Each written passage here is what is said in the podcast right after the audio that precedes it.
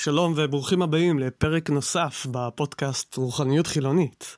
והפעם פרק מיוחד לאור אה, התפרצות הקורונה וכל הבידודים שאנחנו עוברים אה, בכל רחבי העולם. אני לא יודע אם אתם יודעים, אה, זוגתי ואני, אנחנו גרים בכלל בברקלי בקליפורניה ולא בארץ, עושים פה את ה... פוסט-דוקטורט באוניברסיטה בברקלי, וגם אצלנו, בדיוק כמו בארץ, יש, יש אנשים אמורים להיות בבידוד, לא אמורים סתם לצאת לרחובות, הלימודים באוניברסיטאות עברו להיות אונליין. באמת המצב כרגע שיש הוא די כלל עולמי, נמצא כמעט בכל מקום בעולם. Uh, ואני חייב לציין שזאת הסיבה גם שהחלטתי להאיץ קצת את, ה, את הקצב uh, מבחינת הפוד... הפודקאסט הזה. אני כבר התחלתי לעבוד עליו לפני כמה חודשים, אבל הבידוד הזה שנכפה עלינו אה, בעצם גרם לי לחשוב שאולי כדאי לתת גז ולנסות לעזור אה, ב, עם המצב, אה, התמודדות עם, אה, עם הבידוד, אה, וגם לי זה ככה נותן ככה מה לעשות. אני יכול, פתאום אני יכול ל, ל, להקליט הרבה יותר פרקים, כי יש לי הרבה יותר זמן. מצב, מצב מאוד משונה, הזמנים שאנחנו חיים בהם מאוד מאוד משונים. אני חייב לציין שאני מופתע. לא חשבתי ש... אנחנו, אנחנו כאנושות נגיע למצב כזה אה, של שוב איזושהי התפרצות כזאת בלתי נשלטת אה, של איזושהי מחלה שבגללה אשכרה צריך אה, לשנות את כל אורח החיים לפחות לאיזה תקופה מוגבלת, אה, בטח חודש אם לא יותר. אנחנו נראה, נראה בהמשך כמה זמן זה יהיה. אבל מה שכן, מה שמאוד חשוב להדגיש, זה שלא צריך לפחד, כן? לא צריך להיכנס ללחץ, כי זה לא סוף העולם. זה באמת לא סוף העולם, זה, זה באמת לא קטסטרופה, אה, ואנחנו נצא מזה. בסופו של דבר, אה, אה, אנחנו נמצא אה, חיסון, והקורונה תהפוך כנראה לעוד uh, סוג של uh, מחלה, אולי מחלת חורף שכזאתי, שאנחנו יודעים uh, להתמודד איתה. אז אין כאן, אין כאן איזה אפוקליפסה וסוף הזמנים, אלא בסך הכל מצב, איזושהי מלחמה, כמו שכולם אומרים, מלחמה שכזאת מול אויב שאנחנו אפילו לא רואים, מול איזשהו וירוס. אבל זה, זה בהחלט הזוי לגמרי. אה, אתם יודעים, לא רק שזה לא סוף העולם, אנחנו אפילו במצב הרבה יותר טוב ממה שקרה בהתפרצות הגדולה ש, של השפעת, הפעם הראשונה בעצם שהייתה התפרצות של שפעת כנראה, עד כמה שאנחנו יודעים, ב-1918, השפעת הספרדית.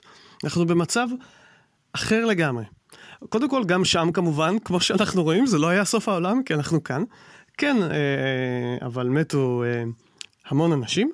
אה, ואנחנו במצב הרבה יותר טוב מאז, והסיבה היא כשהמדע התפתח מאוד מאז, ובעקבותיו הטכנולוגיה והרפואה. תחשבו על זה, שבערך 70 שנה לפני ההתפרצות ההיא של השפעת הספרדית, לואי פסטר רק uh, גילה ואישש את התיאוריה שיש דבר כזה שנקרא חיידקים. שיש איזה מין יצורים קטנים שאנחנו לא רואים והם באמת יכולים להזיק לנו. כן? בסך הכל 70 שנה לפני. לא היה להם מושג עוד מה, מול, מה זה השפעת הזאת, מול מה הם נלחמים. רק ב-30 שנה לפני אה, התחילו להבין שצריך לשטוף ידיים לפני ניתוחים, כי, כי אחרת אה, מטופלים מתים מהדבר המסתורי הזה שנקרא חיידקים. על וירוסים בכלל אין מה לדבר. אז המצב אז היה הרבה יותר קשה מימינו. אתם יודעים, אגב, מאיפה באה המילה שפעת? אז אז כשזה התפרץ בפעם הראשונה, שוב, לא ידעו ממה זה בא. ואסטרולוגים טענו שזה בגלל אה, השפעות של הכוכבים, איזה שהם מצבים של הכוכבים, אה, שבגלל, וההשפעה הזאת עשתה שיהיה איזושהי מגיפה על כדור הארץ, ולכן קוראים לזה שפעת, מהמילה השפעה. ולכן גם השם באנגלית, פלו, בא מהמילה אינפלואנזה, כן, השפעה שכזאת. אז הייתי אומר שאנחנו התקדמנו די הרבה בזכות המדע והטכנולוגיה, וזה רק מצב זמני עד שזה אה, יעבור הלאה. ולכן, לא צריך להיכנס לפאניקה, לא צריך לפחד, לא צריך להיכנס ללחץ. כן צריך אבל כמובן להישמע לה, להוראות וכן אה, להיות בבידוד. אה, יש פה כן מלחמה, למרות שהיא לא על עצם קיומנו. מה שקורה כאן אה, זה שצריך לחלק את המצב לשתי רמות. יש את הרמה האישית, נקרא לזה, והרמה החברתית. עכשיו תראו, יש, תכף אני אגיד לכם למה אני מתכוון, אבל קודם כל, כן יש קהלים שכמו, שכמובן יסבלו יותר מה, מהמצב. כמו שאנחנו יודעים, אנשים אה, מאוד מבוגרים, הסיכון שלהם עולה, עולה מאוד, אה, ושם יהיו מתים, כבר יש מתים ויהיו עוד, אה, וזה באמת מאוד, מאוד מצער וצריך לעשות הכל כדי למנוע את זה, עד כמה שאפשר. ויש אגב עוד... עוד קהילה שיהיה לה מאוד קשה, ולקהילת הרופאים שצריכים לטפל, וככה, וברגע שמטפלים, הם בעצמם נבד... אה, נדבקים. שוב, לא פשוט, לא פשוט ולא קל בכלל. אבל לרוב האוכלוסייה, בעצם לא יהיה ממש סיכון גבוה מהמחלה הזאת. ולכן אני חושב שאפשר לחלק פה, לרוב האוכלוסייה לפחות, את המצב לשתי רמות. ברמה האישית, אני לא חושב שיש כל כך ממה לפחד, אין הרבה סכנה. ברמה החברתית, המדינית, אם תרצו, העולמית, כן? ברמות האלה יש לנו בעיה. ברמה החברתית אנחנו חייבים באמת להשקיע במלחמה הזאת ולבודד אה, את עצמנו, ככה שהווירוס אה, אה, לא יוכל לעבור ולהדביק הרבה אנשים בבת אחת, וככה אנחנו לא ניצור... אה, קושי רב על uh, מערכת הבריאות ועל בתי החולים. כי כל הרעיון בבידוד הזה, זה שנכון, uh, רובנו לא נמות מזה, uh, אבל uh, אנחנו לא רוצים שבתי החולים יקרסו. בגלל העומס של כל כך הרבה אה, חולים בבת אחת שמגיעים וצריכים אשפוז, ואין מספיק מיטות, ואין מספיק ציוד, ואין מספיק רופאים, והרופאים אה, יקרסו תחת הלחץ, הם צריכים לטפל בכל כך הרבה אנשים, ידבקו בעצמם, ואז עוד פחות רופאים יהיו, כן? ככה שכל המערכת הזאת יכולה לקרוס, ואם היא קורסת, אז זה כבר בעיה, בגלל שזה כבר ישפיע. על עוד אנשים שצריכים טיפול רפואי, כמו למשל אה, מישהו שחוטף התקף לב, או סתם נשברה הרגל, אה, יולדות שהולכות לבתי חולים. יש לנו פה כבר מערכת שלמה של דומינו כזה שיכול אה, ליפול ולגרום לעוד ועוד צרות. ולכן מנס... אנחנו בעצם נכנסים לבידוד ומנסים למנוע את ההתפשטות ככה שתהיה הרבה יותר איטית. והרבה יותר נסבלת עד, ש... עד שיעבור זעם. אז זה מאוד חשוב, כן, לעשות את, ה, את כל הכללים ולהישאר uh, בבידוד, uh, אבל מצד שני, לקחת את הדברים בפרופורציות. לא להיכנס ללחץ ולפאניקה מיותרת. לי באופן אישי זה מזכיר בכלל את uh, מלחמת המפרץ, אני חייב לציין. תחשבו על זה, זה בדיוק לפני 30 שנה, או ככה כמעט לפני 30 שנה, הייתה מלחמת המפרץ. אני אז הייתי בן 13, בכיתה ז', והיה לי ממש כיף, אני מאוד נהניתי מזה, ונהניתי מה... האקשן הזה שמצד אחד אה, יש, אה, זה קצת מבהיל, יש פתאום באמצע הלילה אזעקות ולא יודעים מה קורה ובומים, אבל מצד שני לא באמת קורה הרבה ואין אה, אה, אין בית ספר. ותמיד יש את המין אקשן נחמד כזה של אה, הנה אני הולך לחברים, שיחקנו משחקי קופסה ופתאום היה אזעקה ואז היינו צריכים לרוץ כזה למקלט, הייתי, גרנו באיזשהו בניין משותף ושם החלטנו כל הבניין לרדת אה, למקלט. ואז ככה כולם, בעצם כל השכנים היו ביחד, ודווקא שוב היה מאוד כיף, הייתה אווירה מאוד מאוד נעימה. וגם עכשיו אני מרגיש שאני חייב לציין משהו בסגנון הזה. יש איזשהו, יש גם, יש גם יתרונות למצב הזה, יתרונות ל, ל, לבידוד הזה. אני למשל מאוד נהנה מזה ש... זוגתי ואני נמצאים כל הזמן ביחד בבית, ומאוד כיף לנו, ואנחנו נהנים. אנחנו, יש לנו את המזל שאנחנו יכולים לעבוד בעצם אה, מהבית, אה, להמשיך את המחקרים שלנו, ואז ככה אנחנו חיים לנו, עושים אוכל, רואים סרטים, נהנים. מדי פעם, אני חייב לציין, כן, אנחנו נוסעים לבידוד בטבע, מה שנקרא. אנחנו, בגלל שזה ארצות הברית, אז זה יותר קל כאן לברוח אה, מכל האנשים ולמצוא את עצמך... בשלג או בכל מיני מקומות בטבע, וככה עוברים עלינו הימים. זה לא נורא. יש, יש אפילו דברים מאוד uh, נחמדים מזה. אבל יש יתרונות uh, אפילו יותר גדולים כאן מהמצב הזה. כי הרבה פעמים, כדי שאנחנו נעבור איזשהו שינוי, שינוי שאנחנו רוצים לעבור, שדווקא עושה לנו טוב, אנחנו צריכים משהו שיטלטל אותנו. כי אחרת, אם נוח מדי, אנחנו לא נתחיל להשתנות. לא יודע איך אתם, אני יודע על עצמי, אני עצלן, אין לי כוח לעשות הרבה דברים, אני, אתם יודעים, הולך עם ה... כמה שפחות אנרגיה, לעשות עם לא, לא, הרבה, לא הרבה דברים, אלא אם כן אני יודע שיצא לי מהם משהו טוב. אני זוכר שתמיד הייתי אומר לאמא שלי, כשהייתה מבקשת שאני אסדר את החדר, זה שאני הולך עם הטבע, בטבע יש את עקרון האנרגיה המינימלית, כל מיני... כל, כל התופעות בטבע עושות את הדברים ככה שיתבזבז מינימום אנרגיה, וגם אני כזה. אבל זה אני חושב משהו שדי נכון לכולנו. כן, אם נוח לנו מדי, אנחנו נישאר במצב של הנוחות. אבל אז, אם קורה משהו שמטלטל אותנו ומחייב אותנו לחשוב אחרת על הדברים, מחייב אותנו לפעול, אז כבר באמת מתוך הפעולה הזאת נוצר שינוי, ואנחנו יכולים ל- להשתנות ולעשות אה, משהו אה, שדווקא מיטיב איתנו. אני לא יודע אם יצא לכם אה, לשמוע הרבה סיפורים כאלה על אנשים שעשו שינוי גדול בחיים שלהם. הם תמיד, או כמעט תמיד, אני חושב, יהיה בהתחלה איזשהו אירוע חזק שטלטל אותם. ו- ו- ולכן אילץ אותם איפשהו לצאת למסע ולהשתנות. הרבה פעמים אירוע מטלטל וחזק כזה, זה קשור למוות. שהוא מוות של אה, אה, בני משפחה קרובים או אנשים שקרובים, ו- וזה כמובן מטלטל ומוציא אנשים לשינוי. עכשיו, מה יפה? שאנחנו נמצאים במצב מאוד מעניין, שלרובנו אה, אין באמת כאן אה, מפגש עם המוות, אבל מצד שני, למרות שזה לא קטסטרופלי, זה כן אירוע מטלטל, כן? אנחנו כן משנים את אורח החיים שלנו בצורה די קיצונית.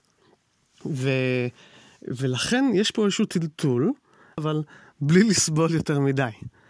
וככה אנחנו יכולים בעצם לנצל את הטלטול הזה כדי לבדוק את החיים שלנו.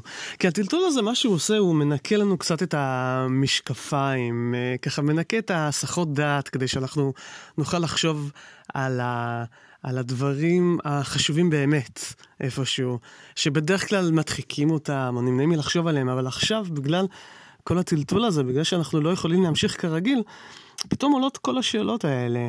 פתאום שמים לב למשל איך... אה, אנחנו מבזבזים המון זמן על שטויות שלא באמת חשובות בכלל. הנה, אנחנו מצליחים לשרוד אה, בלי אולי אה, לצאת יותר מדי, או לקנות המון קניות כאלה, בלי הרבה אה, השקעה בסמלי סטטוס. סמל סטטוס זה אומר איזשהו משהו שאנחנו קונים שמסמל את המעמד החברתי שלנו, את הסטטוס שלנו.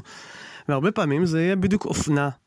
לקנות את הבגדים הכי נחשבים, את התכשיטים הכי נחשבים, את, ה... את הסמארטפון הכי נחשב, המחשב הכי מתקדם, המכונית הכי, הכי מתקדמת ויפה שיש, כל הדברים האלה, ופתאום כזה, זה, זה שטויות, כן? פתאום אנחנו לא צריכים את כל הדברים האלה, כי יש פה ערעור של הדברים, ואנחנו מתכנסים בתוך הבתים בגלל שיש איזו מלחמה שכזאת, כן?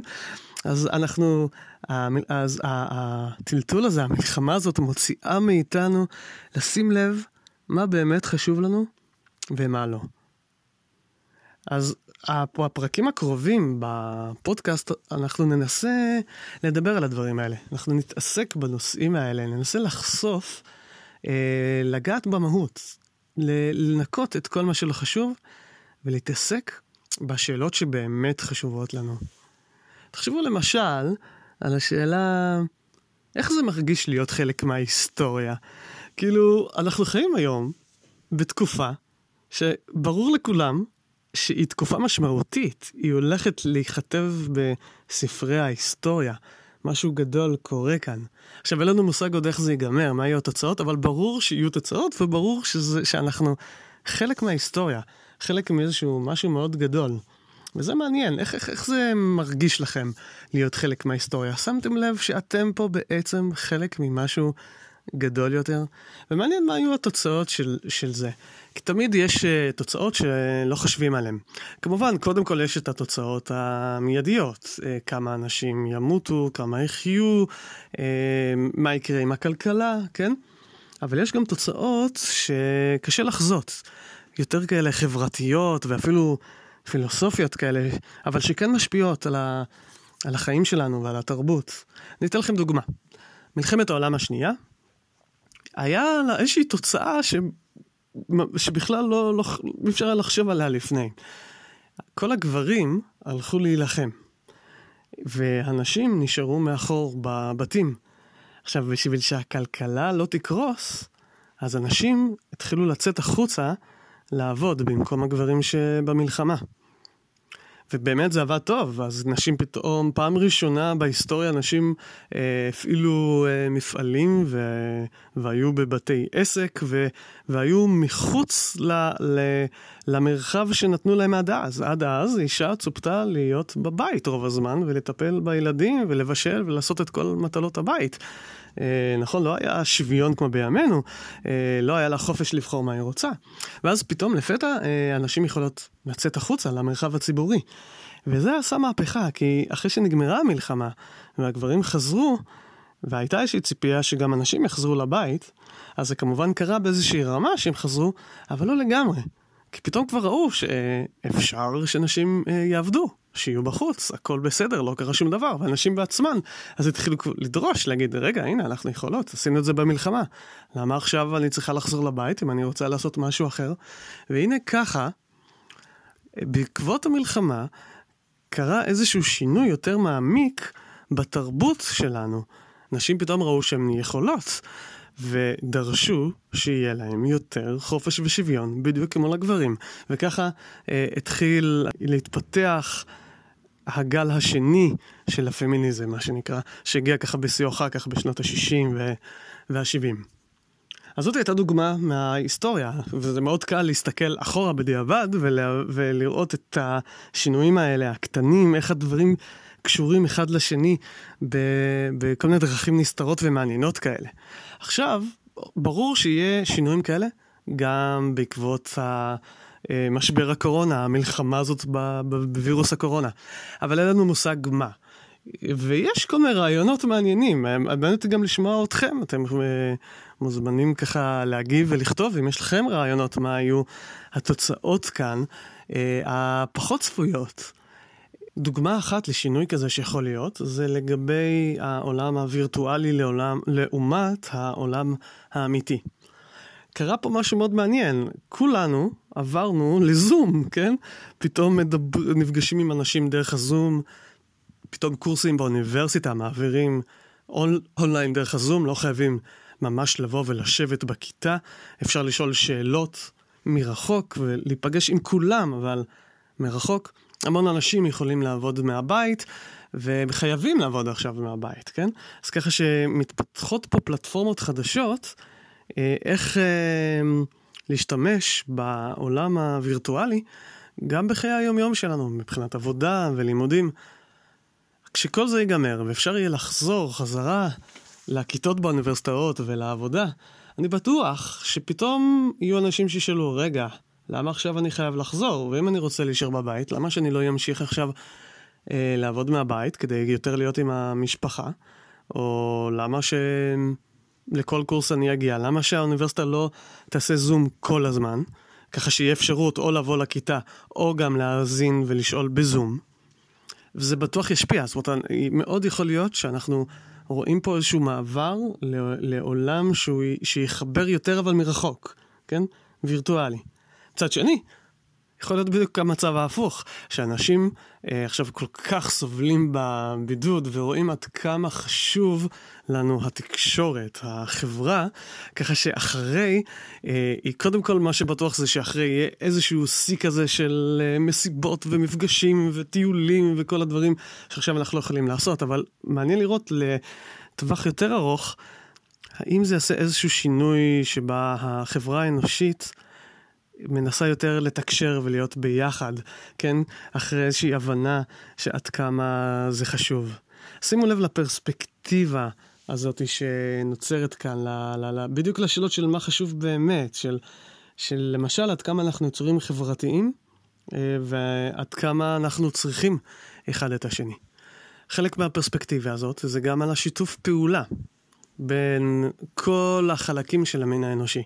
כי אנחנו נלחמים פה נגד וירוס. אנחנו נלחמים מול משהו שאנחנו לא רואים, משהו בהחלט אה, לא אנושי, שפוגע בכל בן ובת אנוש בלי קשר איפה הם נולדו, מה צבע העור שלהם, מה המין שלהם, מאיזה מדינה הם, מה הדת שלהם, שום דבר. האם הם עשירים, האם הם עניים, זה כל השאלות האלה לא רלוונטיות לווירוס הקורונה. אז זה, זה, זה מזכיר לנו עד כמה בעצם כולנו מחוברים אחד לשני, ועד כמה כל ההבדלים בינינו הם זניחים. אה, ו, ולכן זה גם מזכיר לנו עד כמה השיתוף פעולה חשוב כאן. באמת זה לא משנה לווירוס הקורונה, אה, האם אה, מי שנדבק הוא מישהו מהודו, מישהי מאפריקה, או שאולי בכלל ממדינות עולם ראשון כמו אה, ארצות הברית וגרמניה. וזה אפילו לא משנה האם מדובר בישראלי, פלסטיני או איראני. כולנו פה עכשיו ביחד באותה סירה, ולכן כולנו עכשיו צריכים לשתף פעולה כדי uh, לנצח את המלחמה הזאת. ובאמת זה מה שקורה, אני חייב לציין שבינתיים הדברים נראים טוב, באמת יש שיתוף פעולה בין המדינות. עכשיו, זה לא, זה לא טריוויאלי, זה יכול ללכת לשני הצדדים, זה יכול להיות שכל מדינה מאוד uh, תילחץ, תסגור את הגבולות, כמו שראינו שקרה, ותשקיע את הכל רק בתוך עצמה, בלי, לשתף פעולה עם מדינות אחרות. זאת גם אופציה. האופציה הזאת אבל היא הרבה פחות טובה, כי מה שאז יקרה זה ש... אה, אחד, כל מדינה תהיה מכונסת בתוך עצמה, לא תבדוק מה קרה במדינות אחרות, ככה שלא יעבור מידע חשוב לגבי איך להתמודד עם הווירוס ומה לעשות, לא יעבור אולי גם ציוד בין מדינות, ואז, ה... ואז גם הקשרים בין המדינות יתפוררו לאט לאט, אבל גם המדינות עצמן מבפנים יכולות להתפורר. בגלל שיהיה הרבה יותר קשה להתמודד עם וירוס הקורונה בלי השיתוף פעולה, ואז ברגע שהמדינה, הממשלה, לא מצליחה להתמודד טוב, האזרחים מתחילים להיות ממורמרים, ויש התפוררות גם מבפנים. ככה שאני מקווה שלא נלך לכיוון הזה, אלא נמשיך ללכת לכיוון ה... חיובי של השיתוף פעולה, הפרספקטיבה, ההבנה הזאת שכולנו ביחד באותה סירה, ובאמת הסינים עוזרים עכשיו לאיטלקים, אני יודע, ובכלל יש, יש למשל מין אה, מפגשים וירטואליים כאלה של רופאים סינים. עם רופאים מכל שאר המדינות בעולם, וככה הרופאים הסינים נותנים, אה, נותנים להם מידע אה, איך הם התגברו על ההתפרצות שהייתה אצלם, כדי שנדע מה לעשות, ויש מעברי ציוד, באמת יפה מאוד. בינתיים הדברים עובדים טוב. אחד הדברים החשובים בשיתוף פעולה זה גם באמת לעזור למשל למדינות יותר אה, נחלשות. כי שוב, בגלל שלווירוס לא משנה איפה הוא נמצא. גם אם אנחנו נצליח אה, אה, לעבור את הגל הנוכחי הזה של ההדבקות, מספיק שבאיזושהי מדינה נחשלת, נניח באפריקה, אה, שוב יהיו איזה כמה אנשים חולים, ושיהיה, ולאט לאט שוב זה יופץ בכל העולם, ולא עשינו כלום. ולכן צריך באמת פה גם שיתוף פעולה ועזרה כדי, אה, כדי לעזור למדינות שבהן מערכת הבריאות היא פחות חזקה, ואז בכל זאת, בזכות העזרה, אפשר יהיה לנצח את, ה, את הווירוס הזה. אז שימו לב לאיזה שיתוף פעולה בינלאומי נרחב צריך כאן, אה, ובואו נראה, בואו נראה, נקווה שבאמת זה ילך לכיוון הזה. ואם באמת זה ילך לכיוון הזה, אז אנחנו נראה פה גם איזשהו שינוי תרבותי אולי יותר מעמיק, שינוי כזה שמזכיר לנו שכולנו רקמה אנושית אחת חיה. ואם כבר רקמה אנושית אחת חיה, אז עוד טלטול שאנחנו עוברים זה להיזכר עד כמה אנחנו קטנים ושבריריים, ועד כמה הטבע הרבה יותר חזק. עכשיו, זה מאוד חשוב להיזכר בזה, כי נראה שקצת שכחנו את זה. אה, בכמה מקומות, למשל במקום אחד זה על מתנגדי החיסונים, אני חייב לציין. מתנגדי החיסונים קצת אה, שכחו עד כמה, עד כמה קשה היה כשלא היו חיסונים ושכל כך הרבה אנשים מתו מכל מיני אה, מגפות. והנה עכשיו, הנה, כולנו עוברים איזושהי מגפה וכולנו מחכים בדיוק לחיסון שיבוא. אז כן, כי אנחנו צריכים לזכור שהטבע הוא יותר חזק, ועד שכבר מצאנו פתרונות, אז כדאי לדבוק בהם. אבל הדבר העוד יותר אה, משמעותי לגבי הטבע החזק, זה כל האתגרים שיש לנו לגבי ההתחממות הגלובלית והרג של מינים בכדור הארץ. עד היום היה נראה שלרוב האנשים זה לא כל כך אכפת, זה לא כל כך משנה, הם כאילו מרגישים אה, שהם לא ימותו אף פעם, שזה לא משנה, שאנחנו חזקים מהטבע. ואולי עכשיו בזכות הווירוס הקורונה, זה קצת יערער את היוהרה הזאת של המין האנושי, ואנחנו נבין שבאמת צריך לעשות משהו, כי הטבע הוא יותר חזק מאיתנו, ואם לא נשנה את הדרכים שלנו, ואם גם לא ננסה למצוא פתרונות ולעבור אה, ולהשקיע בזה כספים, אז אנחנו אולי באמת לא נשרוד. ולכן מאוד יכול להיות שדווקא הטלטול שאנחנו עוברים עכשיו, הוא מאוד חשוב לנו באמת בשביל לשרוד, בהמשך. אז עכשיו, אחרי כל הקטע הקצת קשה הזה, אני חייב לציין על עד כמה אנחנו שבריריים ורקמה אנושית אחת וצריכים, אה, וכולנו באותה סירה וצריכים לעשות הכל כדי אה, לשרוד, אז אולי הגיע הזמן לעבור גם לאיזה שיר, שיר שמדבר בדיוק על הדברים האלה. ואני קצת בדילמה, כי מצד אחד זה שיר שהוא קצת דיכאוני, מצד שני הוא כל כך יפה וכל כך מתאים למה שדיברנו. אז החלטתי כן לשים אותו. השיר הוא כמובן רקמה אנושית של חווה אלברשטיין. שימו לב למילים. השיר הזה בעצם מדבר על אה, כמה משקל אנחנו נותנים דווקא לדברים הקטנים, הלא חשובים, ההבדלים הקטנים בינינו, בין בני אדם, במקום אה, להתעלות עליהם ולהתאחד. כשאמות משהו ממני, ימות בך. כשתמות משהו ממך בי, ימות איתך. כי כולנו, כן כולנו, כולנו רקמה אנושית אחת חיה. ואם אחד מאיתנו הולך מעימנו, משהו מת בנו ומשהו נשאר איתו. אם נדע איך להרגיע את האיבה, אם רק נדע, אם נדע להשקיט את זעמנו, על אף עלבוננו, לומר סליחה, אם נדע להתחיל מההתחלה, כי כולנו רקמה אנושית אחת חיה.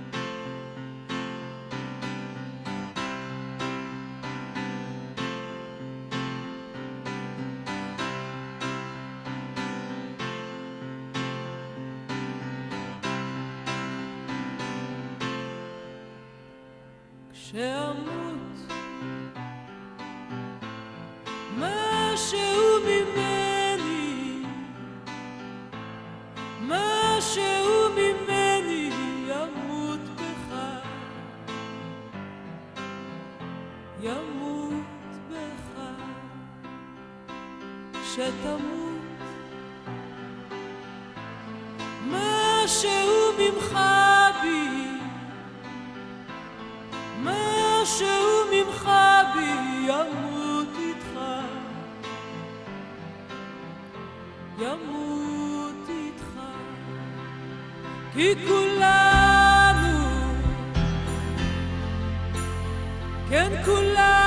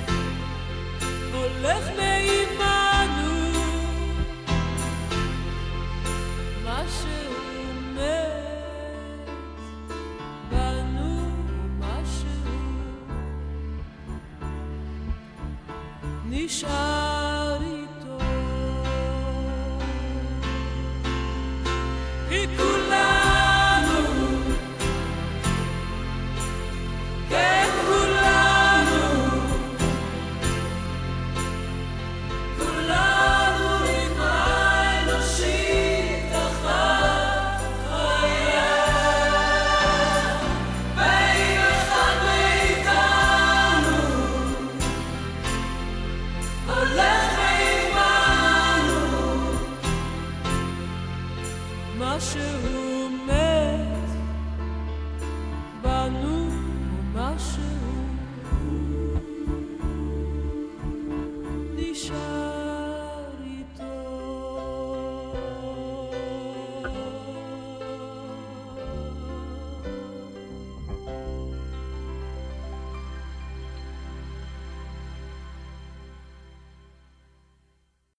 יודעים מה?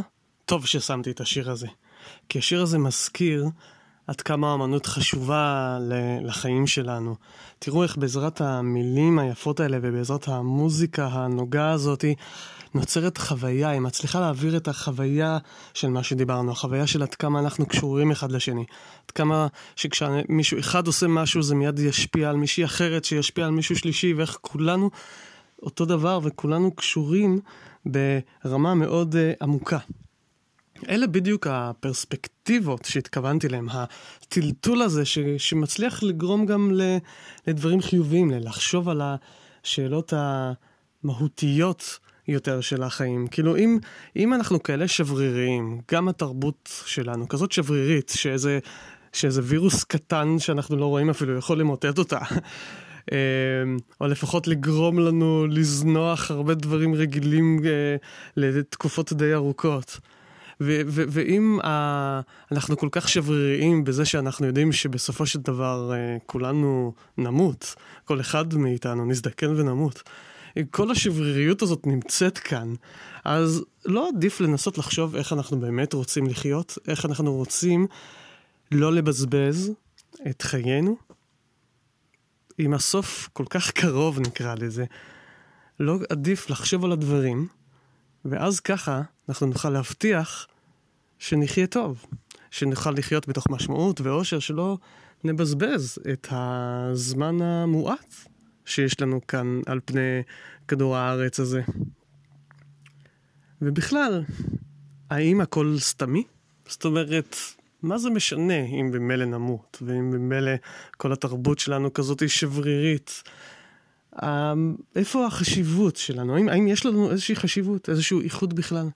הטלטול מזמין אותנו לחשוב על השאלות המאוד מאוד חשובות האלה, איך אנחנו רוצים לחיות. אבל על כל זה אנחנו נתעמק בפרק הבא. פרק אחר אה, שאני אעלה בקרוב, יתעסק יותר על החשיבות של האמת, ואיך המשבר הזה של הקורונה יכול גם פה אולי לעזור לנו. כי אם שמתם לב, בשנים האחרונות, האמת די איבדה מהערך שלה. המון אנשים לא רואים בה כבר משהו חשוב במיוחד, כן? ואז בגלל זה גם אה, צץ, צץ לו כל הנושא הזה של הפייק ניוז. בייחוד אנחנו רואים את זה עם פוליטיקאים. יש המון פוליטיקאים שמדברים שטויות ומשקרים, והם יודעים שהם משקרים, הם יודעים שאנחנו יודעים שהם משקרים, אבל עדיין הם עושים את זה כי הם יודעים שלא יהיה אכפת לנו ולא אכפת לאף אחד. דונלד טראמפ נניח הוא דוגמה מאוד טובה לזה.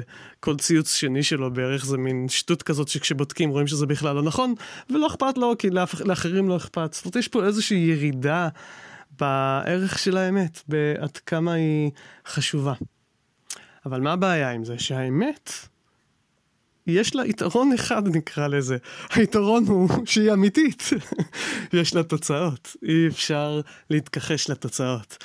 אז uh, מנסים ומנסים, אבל בסופו של דבר קורים משברים כמו המשבר הזה עם הקורונה, שמזכיר לנו שיש תוצאות לאמת, שזה הרבה יותר חשוב.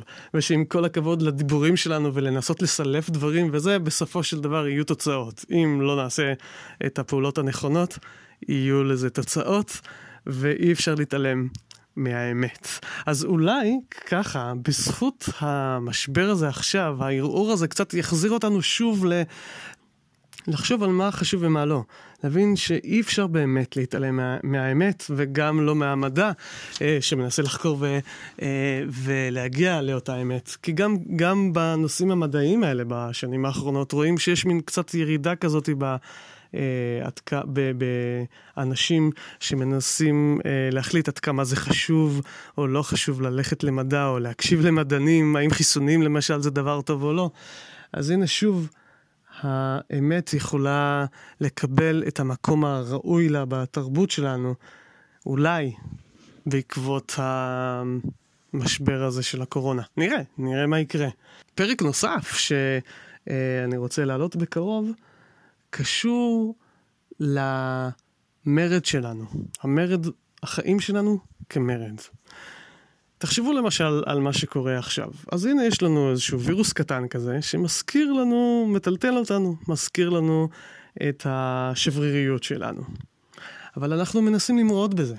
אנחנו אומרים, לא, אנחנו מנסה, ננסה לשרוד ונעשה את הכל כדי להמשיך הלאה. וזה לא סתם, החיים הם איפשהו מרד. אנחנו נדבר על זה, איך, איך זה מרד אה, קיומי, בדיוק ככה נגד השבריריות והמוות, איך זה מרד בחברה, מרד אפילו בעצמנו.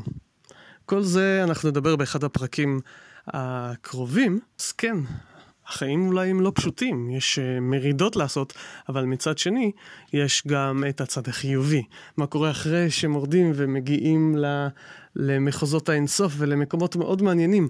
על כל זה אנחנו נדבר. אבל אחד הכלים הכי יפים שבעזרתם אנחנו יכולים למרוד, זה דווקא ההומור.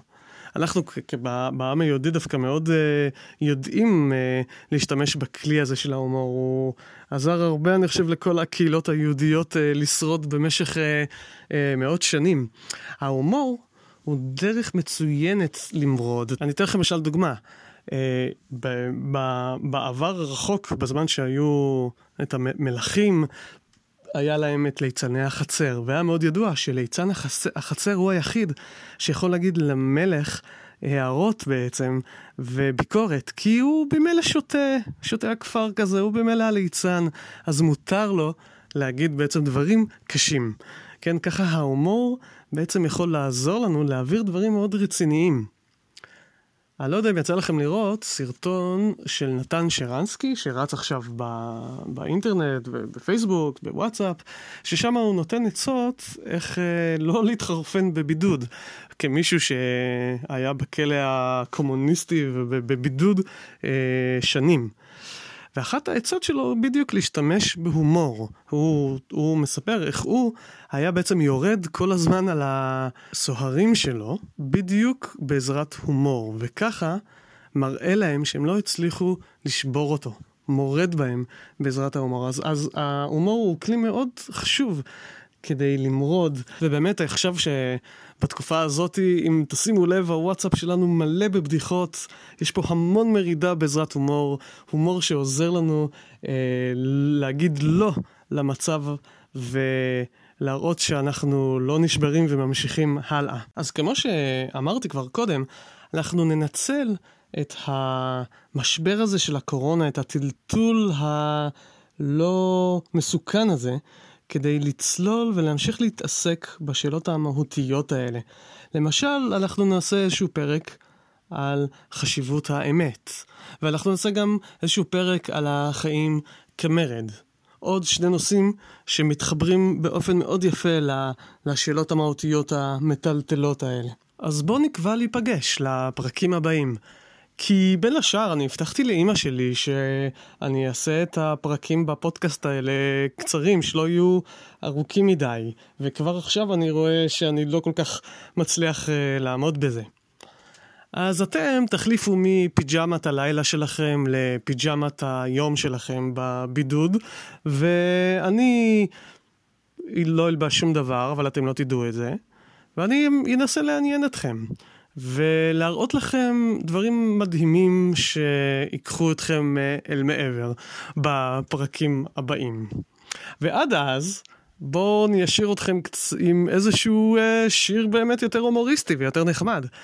מדהים איך אה, דני סנדרסון מצליח לנבא כבר באמצע שנות ה-70 את uh, משבר הקורונה הנוכחי. יש ללהקת גזוז את השיר תה עושה סחרחורת. שכתב דני סנדרסון וגם שר. שימו לב למילים בייחוד לבית האחרון. תה עושה סחרחורת ולבן עושה לי רע, ורגל תרנגולת מעוררת בבחילה. אני נמנע מלאכול דברים שיש בהם מן הנזק, וזה כולל עוגות תמרים, ביצים, זיתים ושסק. לא נוגע בכוסות שלא רחצו אותן, ובצלחות דביקות שלא נגבו אותן. נזהר מאוד ויש סיבה לי, כי בכל מקום בלי ניקיון יש חיידק פוטנציאלי. גלידה מצננת וצ'ונט עושה ורידים, הבטן מתנוונת כשסנדוויץ' לא אשים, חיידקים נמצאים על העצים ובשמיים, אני כמעט ולא נושם ולא נכנס למים. לעולם לא מפהק בפה פתוח, עד שלא בודק את כיוון הרוח. נזהר באופן מדיקלי, לחיות עד 130, פחות מזה לא בא לי. והנה עכשיו שימו לב לבית האחרון, מי שמתקרב לו, נראה לי קצת חשוד, והופס, הוא מתעטש לו, אני עכשיו אבוד, לא תהיה ברירה, אני אסגור את עצמי בחדר, לא יוצא שנייה אחת, גם לא בליל הסדר. פשוט מדהים איך הוא, איך הוא ניבא מה שיקרה. אשטוף את הסבון לפני מקלחת, ארים את הטלפון רק עם מטפחת, יום יום אבדוק את חום המצח, ואם הכל ילך יפה, פשוט אחיה לנצח. אך, דני, דני, תודה רבה לכם, ונתראה בקרוב בפרקים הבאים. תה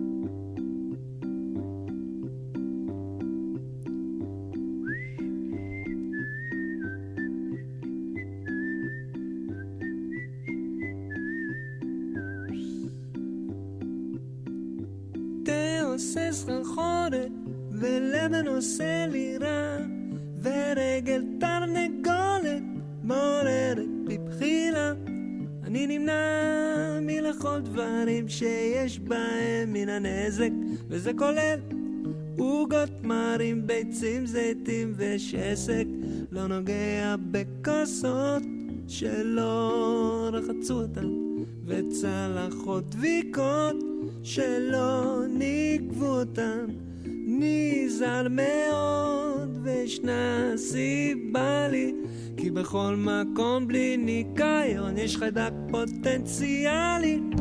גלידה מצננת וצ'ונט עושה ורידים והבטן מתנוונת כשסנדוויץ' לא אשים. חיידקים נמצאים על העצים ובשמיים אני כמעט ולא נושם ולא נכנס למים, לעולם לא מפהק בפה פתוח, עד שלא